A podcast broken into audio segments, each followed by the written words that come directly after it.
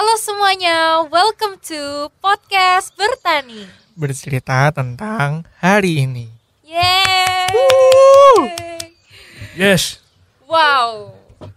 Kita pada hari ini mau membahas tentang topik yang menarik ya. Tapi sebelum itu kita basa-basi dulu. Gimana ini? Jadi aku Oke, barusan ada guncangan gitu ya. Ada guncangan Hampir jatuh. hampir jatuh. Sama kayak elektabilitas. Oh, oh. Wow. Oke. Ya, sebelum kita masuk ke temanya tentang apa yang kita akan bahas hari ini, kita pertama-tama mau intro dulu nih. Jadi, halo semuanya, ada aku Feli dan di sini aku bareng sama Steven. Steven. Dan gimana kabarnya, Steven? Baik, baik. Ngapain?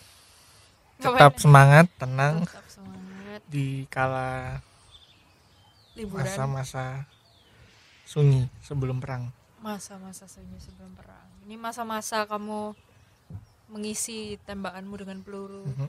gitu. Mengisi ulang peluru. Oke oke. Sangat gak jelas.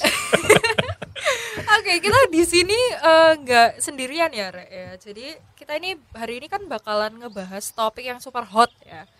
Bahas tentang eh, masa-masa yang sebentar lagi akan muncul ini.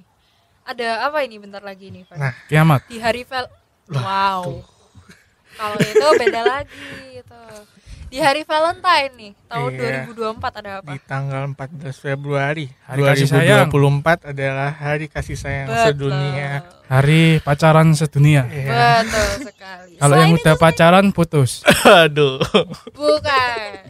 Setelah itu ada apa Selain lagi? itu ada masa-masa di mana kita melakukan coblos mencoblos nih. Waduh. Kok kayak gitu ya wordingnya? Nyoblos. Iya. Pemilu, bener banget. Nah, kita di sini kehadiran sosok narasumber yang Enggak sangat yang expert kayaknya nih. betul, kayaknya sangat eh, passionate di seputar politik, Iya. per- per- perpolitikan Indonesia. Jadi Betul. mungkin bisa mengenalkan diri Dirinya. terlebih dahulu, Kak Ferdi. Kembali lagi bersama Verdi yang sudah dikenalkan oleh Feli. Kan kamu Oke. tadi nyebut Kak Verdi ngapain aku kenalan? Loh, gak apa-apa biar anu kan Iya, biar perkenalan latar official. belakangnya ya gitu. Iya, iya. Selain nama, Latar belakang orang biasa yang Orang mencintai negara Republik Indonesia. cinta tanah air sekali. boleh sepatriotisme gitu. Wah, boleh lah. Oke. Nah, eh, tanpa berlama-lama lagi kita masuk aja kali ya Iya, ke temanya. untuk Temanya apa sih kita? Ya wes iku tentang eh, perpolitikan Indonesia terutama di masa-masa Menjelang pemilu. pemilu Eh, ini. Berarti kita disclaimer dulu ini. Daripada Betul, kita betul, diserang betul. sama banyak kubu, mending kita disclaimer. Betul betul. Kita nggak akan membahas eh, substansi yang sudah terjadi Mhm. di perdebatan tiga kali debat itu ya. Dua Iya. kali capres, satu kali cawapres. Ya, kita nggak mendukung siapa pun. Kita hanya mendukung Feli. Do. Gak nyalon Benar mas. sekali. Ya intinya itu ya, intinya itu Iya, disclaimernya. Kita tanda tangan dulu. Ayo. ayo. Ayo. Dah. Udah, Sah berarti. juga. Jadi eh, ya benar seperti kata Kak Ferdi em, tadi. Jadi kita disclaimer kalau semisal kita di sini tuh pure untuk ngebahas aspek apanya ya kayak Teknisnya. Apa ya teknisnya ya teknisnya Ya, ya, ya. Kalau ke kalau menurutku sih lebih bahas apa ya? Kenapa kok eh, anak muda sekarang itu lebih kalau menurut pandanganku ya nggak tahu kalau menurut kalian ya.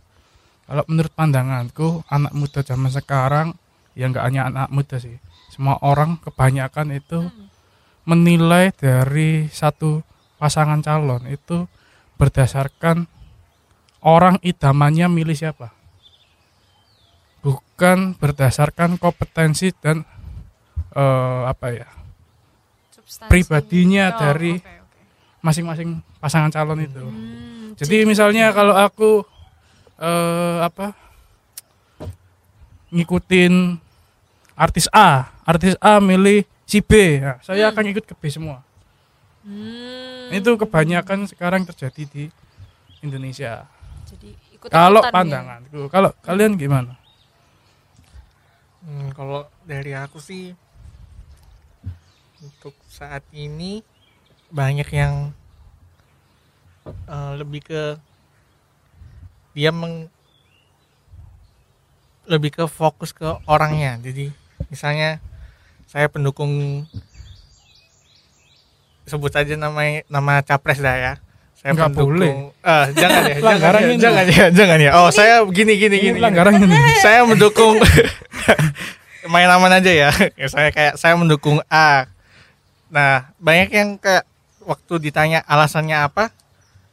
Karena eh, banyak yang ya, dukung. karena Karena iya, banyak karena yang dukung. banyak yang dukung dan saya suka A. Misalnya kayak dari fisik Homo ataupun berarti.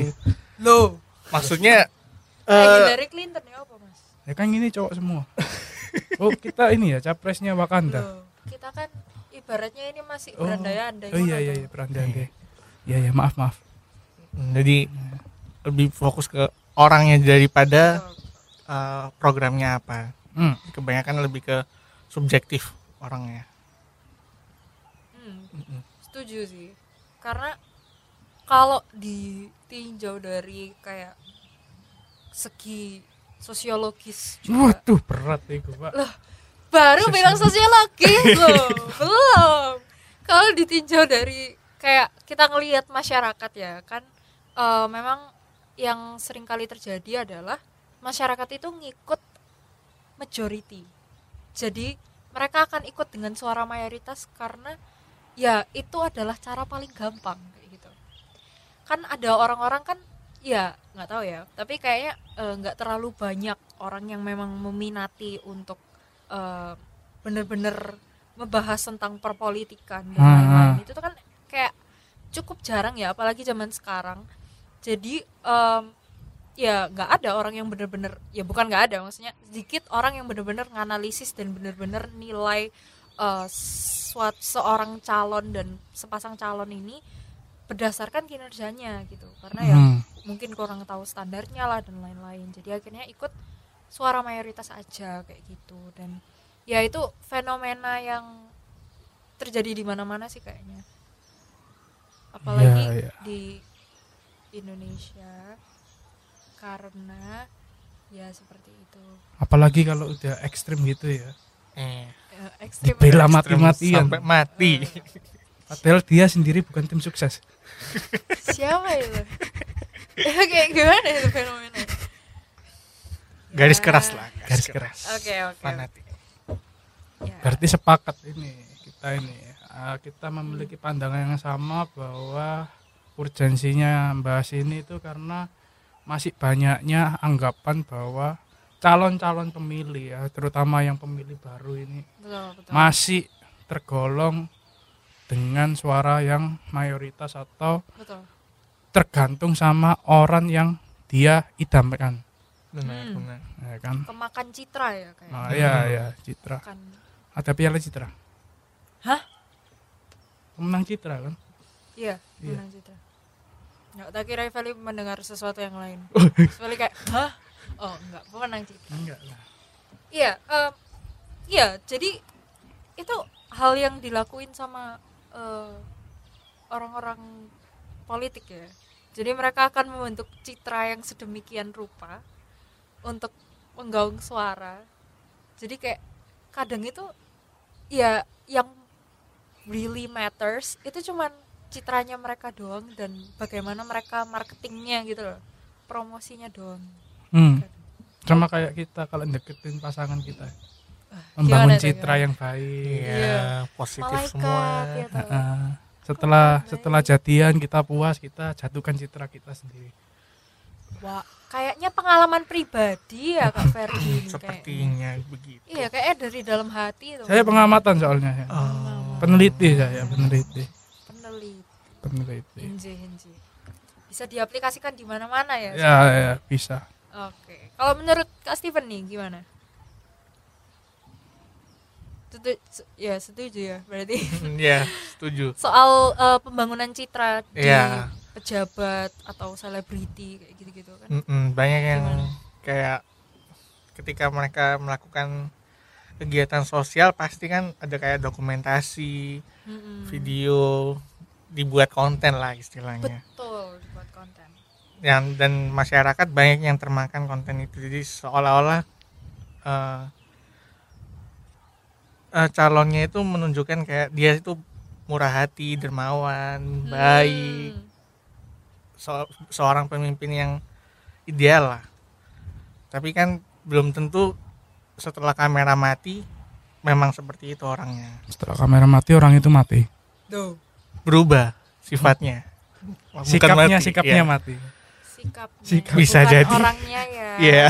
tolong tolong ya direvisi ya seperti itu. Nah em, berarti menurut eh, kak Ferdi sama kak Steven di sini em, kayak cara approach yang menarik bagi masyarakat itu seperti apa sih? Karena kayaknya tadi kan kita sudah sempat bahas kayak sekarang itu peminatan eh, mungkin untuk eh, searching tentang politik dan lain-lain itu mungkin eh, nggak tinggi dan Hmm. eh, ya maksudnya gimana sih caranya to improve on that gitu. oh kalau secara kalau, general kalau menurutku sih ya ini ya tentu pertama kan melalui berbagai tahap kampanye entah itu kegiatan kampanyenya itu bersifat sosial maupun ekonomis Hmm. maksudnya ekonomis kan ya ada berapa amplop yang dibagikan? Wuh. itu itu mempengaruhi citra itu. Oh iya. Itu mempengaruhi citra. Pasti sih. Pasti. Uang. Saya niatnya nanti tanggal 14 siapa yang ngasih saya amplop saya akan pilih dia. Ternyata Kak Ferdi di sini menggunakan platform podcast bertani untuk eh, mendeklarasikan. Enggak ya teman-teman jangan jangan didengar ya akan akan kami sensor. Eh editor suruh sensor sungguhan ini. Oh, sensor sensor beneran enggak lah ngapain? Jangan. aku enggak takut sama siapa pun. Nah itu kan. Yang pertama tadi kan kampanye. Yang kedua adalah melalui dialog-dialog. Hmm. dialog-dialog yang dimaksud itu bisa dialog eh, berbagai lapisan masyarakat. Baik itu di lap- lapisan masyarakat bawah tengah hingga atas Hmm. ataupun juga bisa dialog di sisi akademik. Jadi datang ke kampus jadi narasumber. itu kan salah satu cara juga. Uner. Siapa yang nggak uner? Ada. Oh, ada. Oh. Ada aku kok yang nggak diundang? harusnya kan aku diundang jadi panelis tuh. Oh sebenarnya perjanjiannya seperti itu kemarin. Terus Kak Ferdi kok nggak hadir di uner? Saya mau saya menghadiri podcast bertani. Menghadiri podcast pertama kita tepuk tangan dulu atas Sangat dedikasinya istimewa. terima kasih Nah, itu kan yang kedua Hmm. tadi. Kampanye, dialog. Dan yang ketiga, yang paling menentukan adalah eh, debat. Debat yang diselenggarakan oleh penyelenggara pemilu. Dalam hal ini KPU. KPU Nah, komisi dari dari tiga poin itu nantinya kita bisa menarik satu kesimpulan dari gagasan, dari solusi, dari kesimpulan siapa yang mempunyai kapabilitas. Kalau menurutku seperti itu ya untuk menjaga eh, kompetensi dari para pemilih untuk memilih pasangan calon yang akan dipilih. Jadi nggak hanya sekedar suara mayoritas, nggak hanya sekedar oh orang ini lucu, oh orang ini ganteng, oh orang ini satu agama sama aku, oh orang ini satu suku sama aku. Jadi nggak nggak nggak hanya di situ, tapi lebih ke ide-ide gagasannya, hal apa yang akan dilakukan, lalu hal apa yang menarik untuk kita tagih janjinya. Ya. Jadi sebelum jadi capres dan cawapres itu kan pasti mereka akan menebarkan janji sama kita, sama kayak saya menebarkan jala ke cewek-cewek. Mm. Duh. Loh, balik situ lagi. ini Filosofi ini. filosofi ini ya wis ngono-ngono. Iya, iya. Iya, iya. gimana itu kalau menebar jalan Ya, kalau menebarkan jala ya tahu sendiri lah Vel. namanya jala itu ada yang kena tapi kena itu ikannya ya nggak baik kondisinya. Kalaupun yang Hmm. baik itu masih bertenaga kan ikannya bisa lepas. Ada yang kabur ada yang kabur. ada yang stuck di situ. We never know.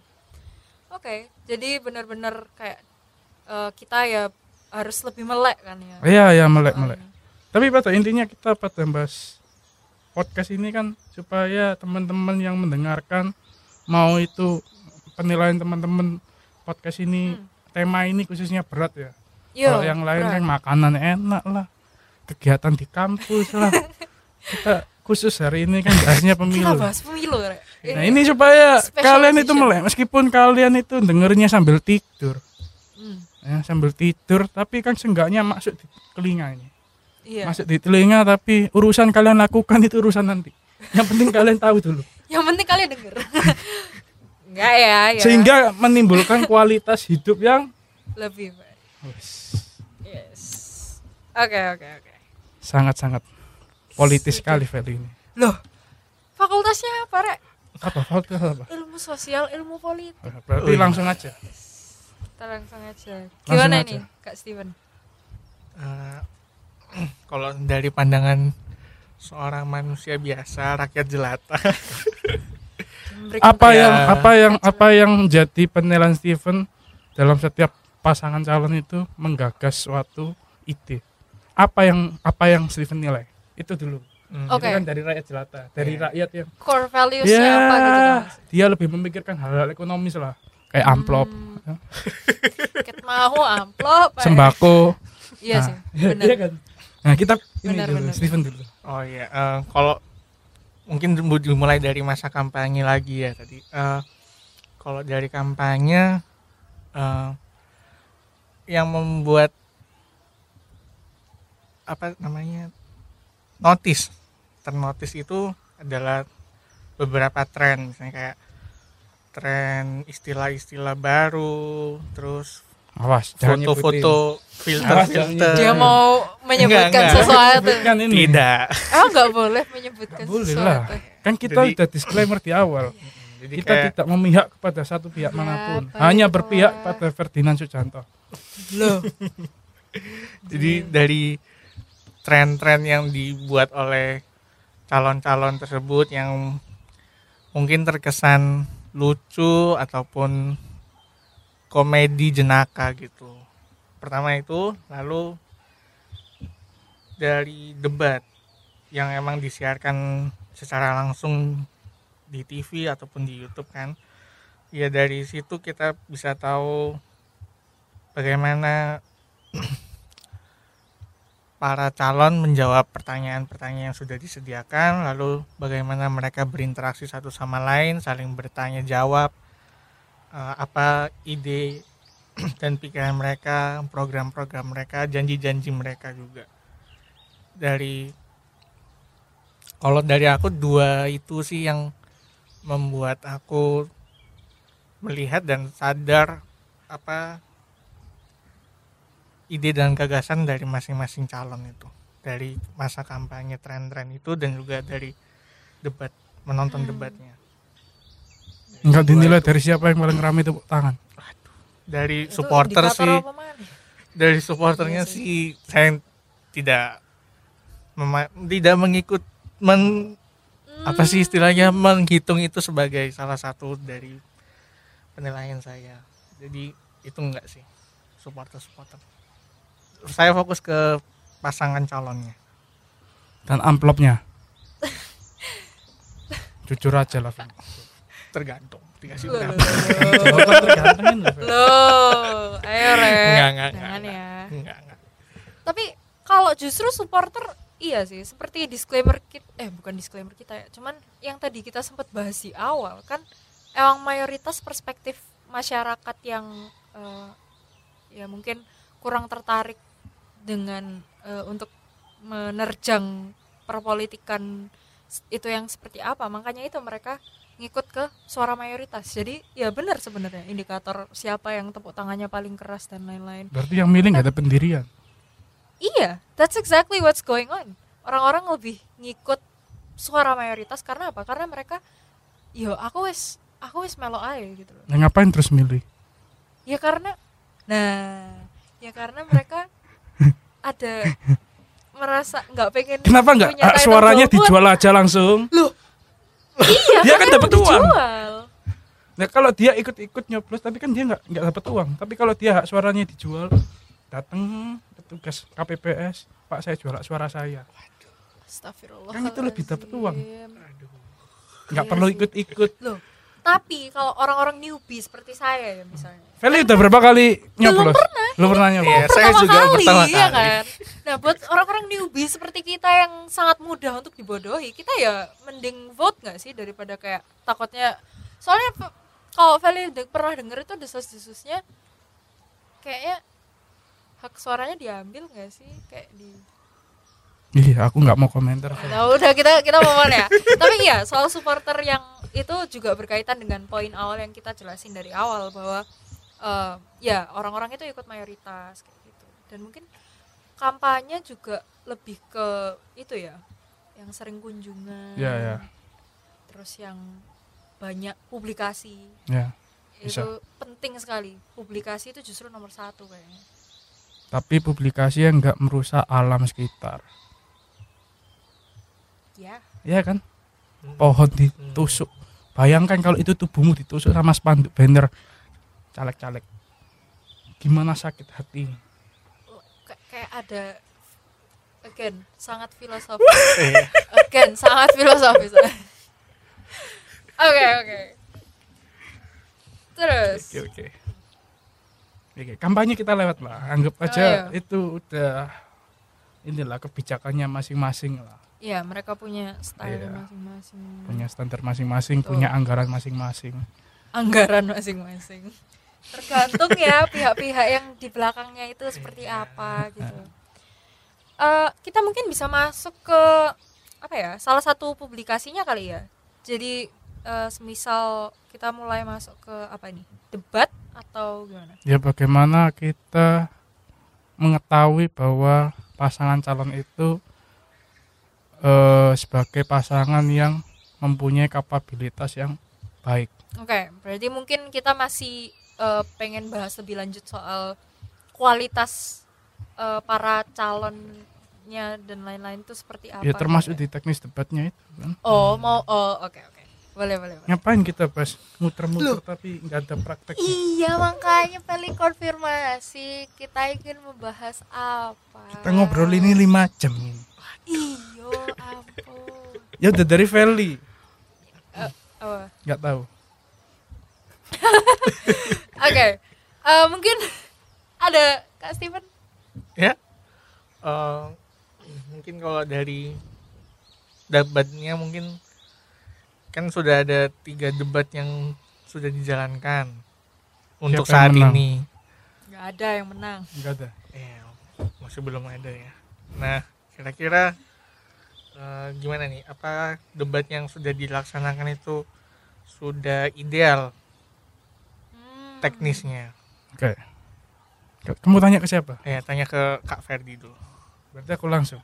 boleh Langsung, Rek. Oke. Kalau aku ya menilai dari teknis debat kemarin memang banyak apa ya banyak yang mencela karena waktunya sangat singkat.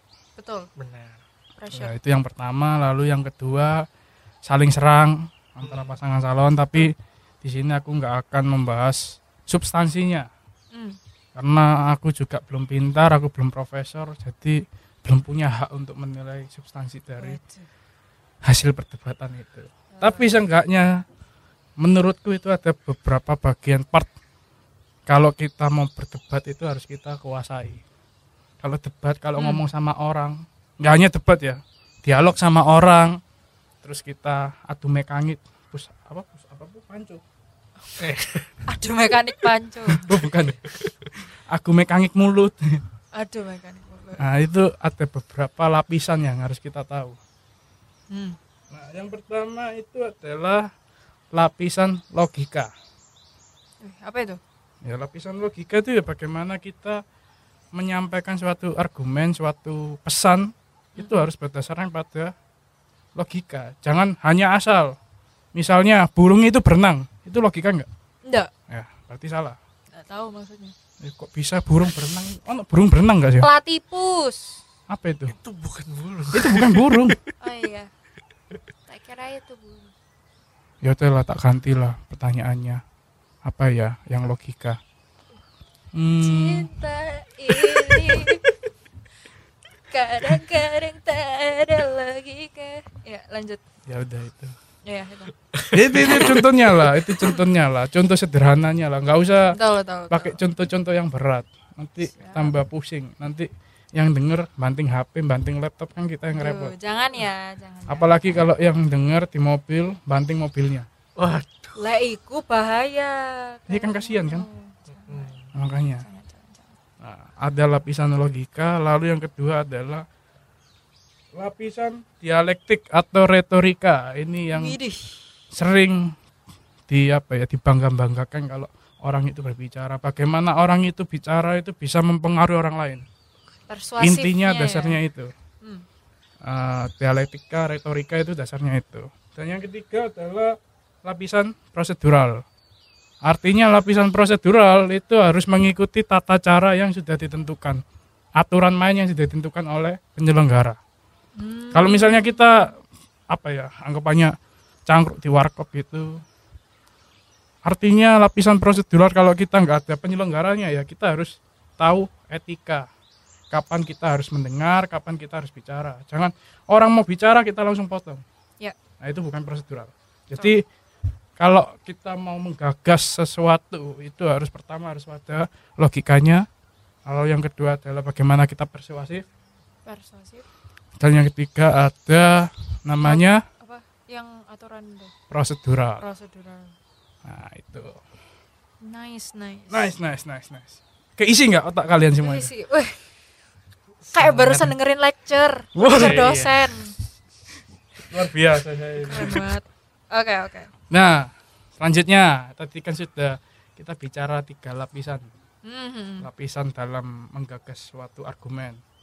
Nah, untuk melakukan tiga lapisan itu supaya kita mendukung logika kita benar, lalu dialektika kita benar, retorika Mhm. kita benar, prosedural kita benar, itu ada tekniknya. Oh jadi untuk achieve itu semua ada Iya. tekniknya Ada Hmm. tekniknya. oke dengan apa itu singkatannya adalah VIRAC. Jadi F I R A C. virak VIRAC. hmm. apa itu F? I fakta gang isunya itu apa? wes R. R itu berkaitan dengan regulasi. Nggak hanya regulasi tapi juga teori-teorinya yang mendasari itu. apa? landasan teorinya Landasan ya teorinya. oke Lalu A itu adalah analisa kita itu bagaimana? pendapat kita opini Pendapat kita kita, opini Oh. kita. Jangan hanya berhenti di sini. Harus ada C-nya. apa sih C itu adalah konklusi. Kon- Konklusi itu berisi kesimpulan, saran maupun rekomendasi. Kalau kita hanya bicara F I R A, nggak ada C-nya, ya sama aja bohong. sia-sia Sia-sia. Artinya nggak akan kesampai itu landasan Hmm. logika. Ya kan? Kalau kita sudah bicara F I R A C semuanya, maka landasan logika akan tercapai. Itu yang pertama, step pertama. Hmm, Lalu bagaimana eh, untuk mencapai suatu landasan retorika? Landasan retorika itu dapat dicapai kalau di debat kalian itu pernah dengar istilah ini enggak? Manner, matter, method. Oh iya iya iya iya Ya, itu. tapi lupa itu ya penjabarannya Penjabarannya itu tapi Iya. ya? Penjabarannya spelling. tapi basically itu mirip sama tadi nggak sih jadi kayak matternya apa kayak isunya apa yang dibawakan kita harus menguasai sehingga kita juga tahu istilah-istilah yang dipakai itu artinya apa dan lain-lain jadi kita bisa ngerangkai katanya juga baik ya kan Ya, ya. terus manner juga kamu cara penyampaiannya seperti apa kamu eh, menunjukkan maksudnya kamu itu show up kayak men- menyuarakannya itu kayak gimana kamu di hadapan orang lain tuh mannersnya kayak gimana gitu kan Hmm. Jadi meter itu adalah Hmm. landasan dari logika kita. Landasan retorika itu ada di metode. oh metode metodenya itu bagaimana, cara penyampaian kita itu bagaimana. Apakah kita mau menyampaikan hanya secara informatif? Apakah kita hanya menyampaikan secara persuasif? Ataukah kita men- menyampaikan dengan perumpamaan-perumpamaan, dengan analogi, sarkas dengan sarkas? tapi kan metodenya jelek kalau gitu pakai Iya iya, sarkas. jangan jangan yang negatif. Nah, didapatnya dari situ penggunaan bahasa Indonesianya yang baik dan benar. yang baik yang benar KBBI. apalagi yang mendengarkan kan nggak hanya orang-orang yang sudah kuliah tapi orang-orang yang nggak sekolah pun juga akan mendengarkan Betul betul. suatu perdebatan Itu apalagi ini berkaitan dengan lima tahun ke depan Indonesia di tangan Ferdinand No. Kalau itu sekali saya komen. Yes, yes. nah itu tadi landasan yang retorika Nah, lalu yang tiga adalah landasan prosedural Hmm. landasan prosedural itu berkaitan dengan manner sikap dan perilaku kita sikap perilaku. etika kita dalam menyampaikan argumentasi apakah kita menyampaikan dengan nada yang tinggi emosi terus bawaannya atau kita menyampaikan ya Pelan. datar pelan Halo. Kalem lama-lama tidur tidur tidur, tidur. Loh, loh, loh, loh. Jangan bisa hipnotis loh, Vel. kamu percaya nggak Vel? Pak Satpam. Hipnotis gimana Kak Ferdi? Hipnotis gimana? ya kan etika penyampaian kalau mendatar mendatar mendatar, mendatar. Oh, bikin ngantuk Iya, ya. kan? Oh, hipnotisnya kayak gitu loh. bisa loh itu Iya. Itu psikologis iya kan real. Nah, terus juga terkait dengan eh, etika sikap kita dalam menanggapi apa yang diomongkan sama lawan bicara kita. Jadi kita jangan menanggapi Emosi. dengan emosi Betul. atau dengan data yang tidak benar, Hmm. ya kan? Hmm. Dengan dengan apa ya sikap tunjuk-tunjukan. Kalau saya di sini tuh aslinya ada videonya itu nunjuk Valen sama Steven. Pakai telunjuk. Untung pakai Iya. telunjuk, nggak pakai Nuding jari yang nuding lain. ngono. Iya. Iya, iya, iya. Nah, itu kan yang nggak baik. Secara prosedural pasti Berarti akan pakai jempol kan. bisa bisa. bisa apa kan? Iya, mari. Monggo, Mas. Mari. Nggih, mboten monggo. Nggih matur nuwun. Feli lucu loh, Feli suwe Baru sadar tar. Baru. Certified. Ya kalau kalau dari itu, itu tadi intinya. Hmm. Kalau kalau eh, kita sebagai calon pemilih ya, apalagi pemilih newbie, ini kan nggak hanya berhenti di eh, perdebatan capres dan cawapres, Iya, betul. akan berlanjut di cagup, cawagup, cawali, cabub, cawa, Hmm. cawabub, ba- tingkat daerah lah istilahnya, Oh, gubernur, Iya, iya, iya. tingkat wali kota, bupati kan itu juga nanti ada perdebatan. Nah harapannya orang-orang pemuda-pemuda yang dengerin ini nggak hanya milih berdasarkan suara mayoritas, nggak hanya berdasarkan pada siapa idaman kita, idaman kita milih siapa kita akan milih dia. Tapi tujuan podcast ini kan apa yang tadi saya sampaikan itu bisa dipahami. Ada tiga lapisan, bagaimana cara menilai debatnya, sehingga kita harus tahu otomatis kita akan dipaksa apakah apa yang dikatakan oleh orang itu akan benar Betul.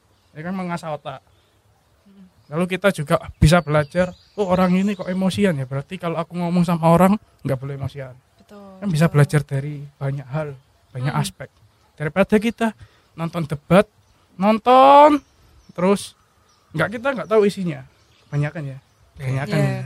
Nggak Lumayan kan dipasang di TV kita Iya fokus kan? yang lain. pokoknya ya. kita posting jepret menang ikut tak itu tuh isinya Itu nggak tahu sama aja bohong mending jual suara kalian Loh, Aduh, aduh. jangan ya, Oh, jangan.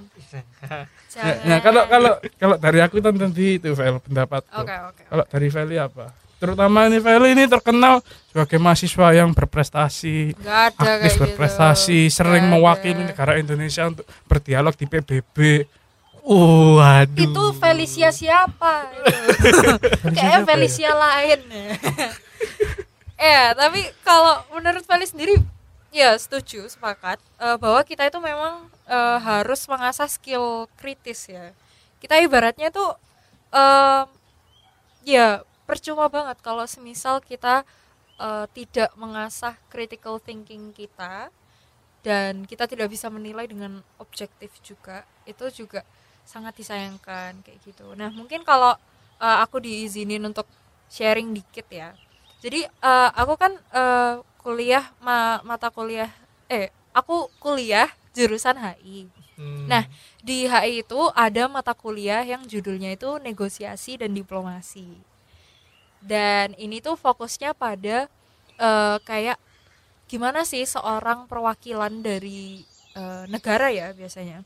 Perwakilan dari sebuah negara itu bisa eh, kayak dia itu attitude-nya tuh seperti apa, mannersnya seperti apa, terus bahasa yang dia pakai itu nantinya seperti apa. Jadi semuanya itu dianalisis di matkul ini kayak gitu.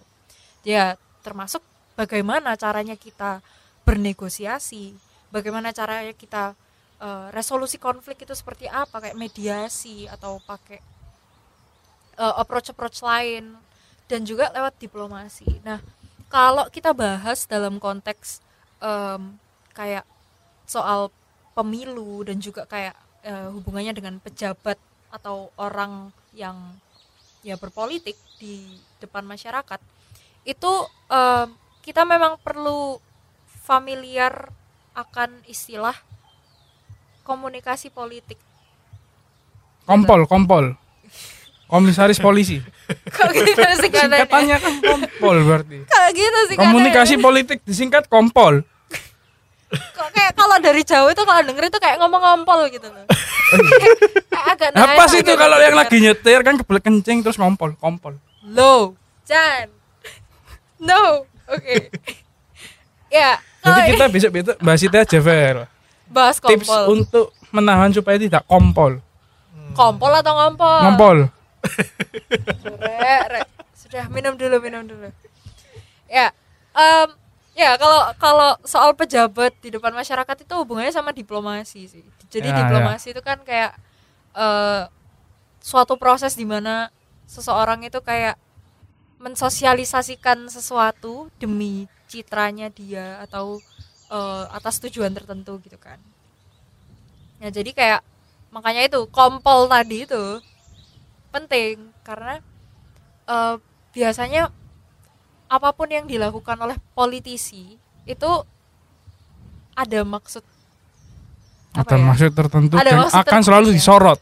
betul dan karena dia selalu disorot jadi dia ada motif-motif tersendiri kayak gitu Motif motivasi-motivasi tersendiri yang entah itu eh, ya Tersembunyi. kembali ke filosofi.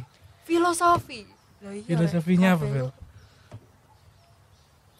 Kan kamu tadi yain filosofi kembali ke filosofi.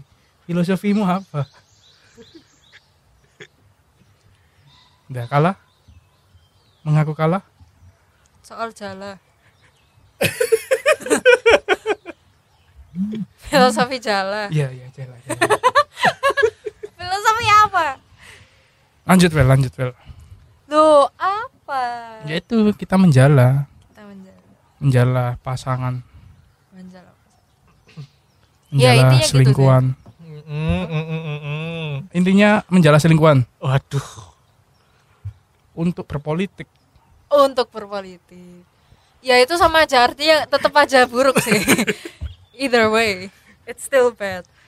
Ya, tapi iya kita harus aware sama kompol-kompol yang ada karena kan Hmm. bisa aja omongan yang di di apa ya dilontarkan itu kan semua demi kepentingannya jadi kadang bisa dimanipulasi lah bisa pakai bahasa-bahasa halus lainnya bahasa cinta. Lagu bahasa cinta itu ya apa ya? oh no. Ya. ajarilah kami bahasa cinta Amin. itu lagu beneran kan Iya, nggak beneran. Benar, Oh, iya. benar. Beneran. Oke. Berarti berarti Vel berdasarkan ilmu ilmumu ya, Hmm. ilmu pengalaman yang sudah kamu lakukan di PBB. Wes, Amin. Nah, Aminnya. tips tips untuk menghindari bahayanya kompol itu apa? Tipsnya. Kita nggak boleh percaya sama orang. Atau Iyo. oh, harus gitu. Loh, iya rek. Jadi semuanya tuh landasannya tuh cuma satu.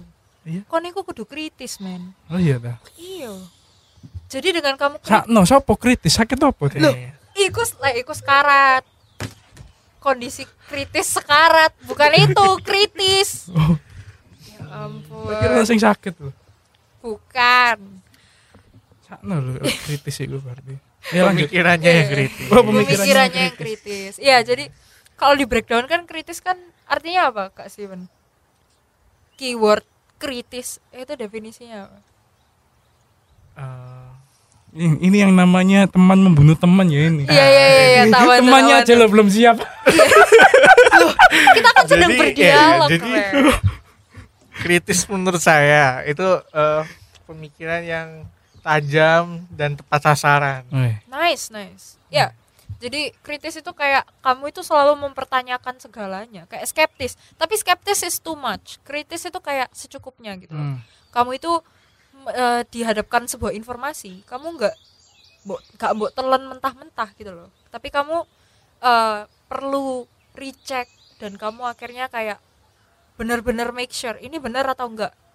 Ini apakah sesuai dengan eh, standar yang aku apa ya yang aku pakai atau yang aku pahami kayak gitu itu kritis jadi ya dengan kamu punya apa ya kritis itu dan kamu memang punya ketertarikan atas apa yang memang dibahas itu akan baik gitu loh. Karena kamu akan selalu mencari tahu kebenarannya seperti apa. Kamu akan cari tahu gimana sebenarnya itu kayak kayak misalnya datanya itu kayak gimana ini bener atau enggak sih di cross check terus kayak program kerjanya apa aja sih? Akhirnya searching sendiri cari tahu sendiri. Bahkan ada juga orang-orang yang sharing juga soal ini biasanya mahasiswa juga banyak sih teman-temannya Feli itu ada yang kayak Tim sukses. kayaknya ada deh tapi nggak tahu tapi nggak tahu tapi iya jadi mereka kayak bener-bener punya PPT-nya gitu kayak Eh? gagasan per gagasan eh, pre- Berarti dia nganggur berarti gitu. di rumah, Vel. enggak anaknya emang kritis Oh, iya, aja iya Kasihan. Udah berapa lama kritisnya? bukan kritis yang itu dadah semuanya aku akan pergi Iya, iya. Jadi apa poinnya, Vel? Dari dua omongan kita ini tadi. jadi Kamu yang menyimpulkan. Kan tadi kita sudah menggagas ide-ide supaya orang-orang yang calon pemilih yang newbie-newbie itu enggak berdasarkan pada suara mayoritas, enggak berdasarkan pada alpanya atau orang yang diidamkan. kompol kompol Nah, apa apa? Hmm, Kesimpulan menurutmu apa? Kamu kan calon pemilih yang newbie, iya. very very newbie. benar-benar dari apa yang sudah dibahas sama Feli dan Kak Ferdi ini emang eh, sebagai pemilih kita harus benar-benar melihat eh, para calon ini dari Amplop. bukan dari Dia dari lama mikir itu, Fel. iya dia sebentar sedang meresap Dia masih Saya memikirkan apa Dia ada pendekatan ekonomisnya loh. bukan bukan ekonomis terus nih, dari tadi ya jadi eh, sebagai pemilih emang kita harus eh, harus buka mata lah dengan apa yang para calon ini Aku mau ngelempar jok cuma takut aku. Jadi enggak jadi lah. Kamu tahu enggak ojo maksud sing gue? tepi tepi jurang rek ojo sing tepi jurang rek Iya, untung aku berhenti, Bel. untung ada yang Iya. hati nuraninya itu masih Iya, masih ada jangan aku. Jadi ya tadi harus membuka mata. Lah kalau orang yang disabilitas gimana? waduh kenapa masih dikeluarkan tadi katanya ada hati nuraninya Jadi, Astaga. ya harus gimana kak harus menimbang melihat bagaimana eh, yang seperti yang tadi logikanya lapisan-lapisan dari materi filo- filosofi dan materi yang para calon sampaikan bagaimana mereka men- menyampaikannya lalu bagaimana eh, persuasifnya mereka dialog-dialog mereka lalu juga diplomasi dan kompolnya. Jadi kita harus diplomasi dan kompol ya. jadi eh, Anggapannya itu diplomasinya lagi ngompol. Cuy, Diplomasi dan komunikasi kalau politik. digambarkan itu Iya gak kan? enak gitu. Diplomasi dan komunikasi politik. Iya, iya, sedikit iya, iya. Siapa sih yang ngeluarin singkatan tadi itu? Dia orangnya sendiri loh lupa. jadi diplomasi dan komunikasi politik. Nah, itu lebih enak lah didengarnya. Jadi jangan hanya kita memilih karena mendukung karena orang-orang banyak mendukungnya teman-teman kita mendukungnya jangan Iya. itu jangan True, true. kita harus memang melihat punya pendirian kita iya punya pendirian sendiri integritas sendiri wih Nice. Udah Dalam- siap nih. memilih pilihan kita pada tanggal 14 besok nah pas hari H kita kesiangan bangunnya Pas hari ada yang nyodorin amplop. serius aku pilih yang gak, gak.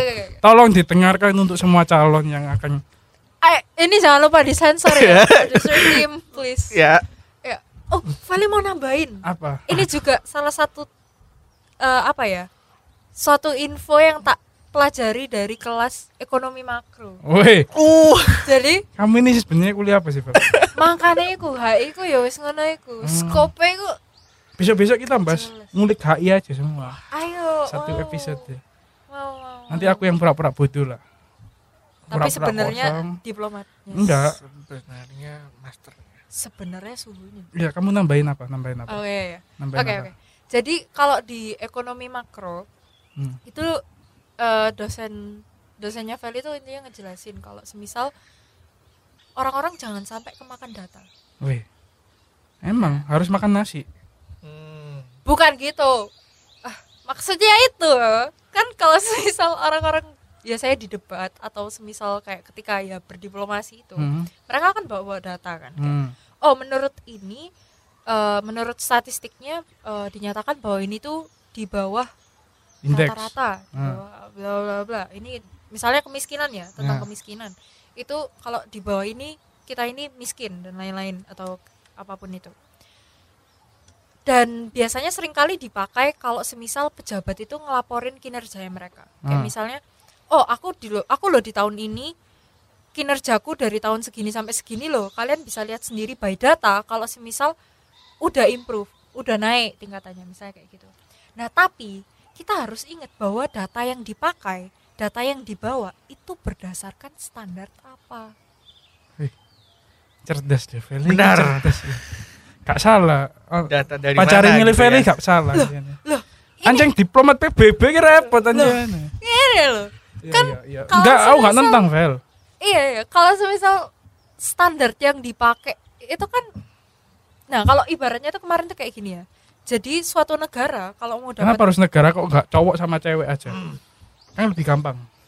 Ya wes coba Nih cowok ya. sama cewek. Misalnya cowok sama cewek nih ya. Enggak ini misalnya cowok Heeh, terus dia mencari cewek heeh. ya kan Saya dia dong. pasti akan eh, menonjol-nonjolkan apa yang perlu ditonjolkan apa yang ditonjolkan skornya oh iya skornya iya. misalnya nilainya Iya, iya, iya. kemampuannya iya jadi Iya, dia terus? misalnya ya misalnya dia tuh mau nyari misalnya dia tahu cewek ini suka cowok yang pintar Heeh. jadi dia bakal ngedeketin ceweknya kayak eh aku loh lumayan bisa matematika Oh, kamu iya. nggak mau les tas sama aku atau Oh, kayak iya. gimana jadi kan yang ditonjolkan kan nilai matematikanya Heeh. kan nah sedangkan standar yang dia pakai itu nilai matematika doang. Sedangkan kalau dalam 100 mata kuliah lainnya itu kayak misalnya ya anjlok sebenarnya Nah. gitu loh. Jadi itu semua tergantung standar. Dan apa kepentingannya? Kalau cowok ini kepentingannya adalah untuk bikin ceweknya suka sama dia dia akan menonjolkan apa yang diperlukan. Tapi kalau semisal dia justru pengen ngejauhin ceweknya bikin ceweknya ilfeel dia akan nunjukkan jeleknya Kak, aku aku lo gak pinter, aku lo gak- aku lo kurang bisa soal ini. Iya, iya. Ayo, bisa Iya, lagi ya.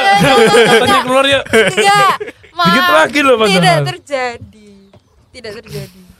Saya hati nurani saya Oh iya. menahan. Sama hati nuraki juga tahan. Hmm. Ya kayak gitu. Jadi jangan lupa untuk aware juga sama data. Hmm. Kalau semisal di debat-debat Hmm. dibawa, coba deh dilihat itu standarnya itu pakai standar apa. Iya. Siapa tahu pakai standar Wikipedia kan. No, lah eko wes. Hmm. kalau enggak standar motor gitu kan Saya Lucu, Vel. Masih lucu aku kan. standar bolpen. Hmm. Sama diem. Sama gak ada yang ketawa. Dah, mari kita akhiri Mari kita akhiri closing statement, closing statement. pada hari ini. Gimana penutupnya? Ya udah, supaya. Afdol penutupnya dari narasumber kita yang Betul, sangat betul, istimewa Apa? hari ini Penutup ya? sembarang wes. Eh, Sembarang. kata-kata untuk para pendengar. Ya teman-teman mohon maaf sebelumnya kalau yang mendengarkan ini merasa pusing, merasa ngomong apa, ngomongnya terlalu berat, topiknya terlalu berat. Tapi ini podcast ini, topik ini memang harus dibahas supaya kita enggak eh, terkontaminasi dengan suara mayoritas, kita enggak terkontaminasi dengan orang idaman kita, orang orang yang kita idam-idamkan, tapi kita semuanya memilih berdasarkan pertimbangan yang sangat-sangat matang, yang berdasarkan kapabilitas, yang berdasarkan profesionalitas. Suaraku kayak caleg gak ya? Iya. Iya, mirip ya. Cocok, cocok. sudah bisa bayangin muka-muka kayak gimana. Bajunya kayak gimana. Ya intinya itu eh, selamat mempersiapkan diri untuk teman-teman yang baru pertama kali atau yang sudah pernah tapi yang kesempatan kemarin belum coblos karena bangun kesiangan. Golput, golput. golput. Ya silakan mempersiapkan diri. Masih ada dua sesi perdebatan. Ya itu silakan kalian gunakan waktu eh, perdebatan itu dengan baik. Betul, betul. dengan apa yang tadi saya sampaikan dengan Feli sampaikan pokoknya eh, jangan lupa dibawa dalam doa.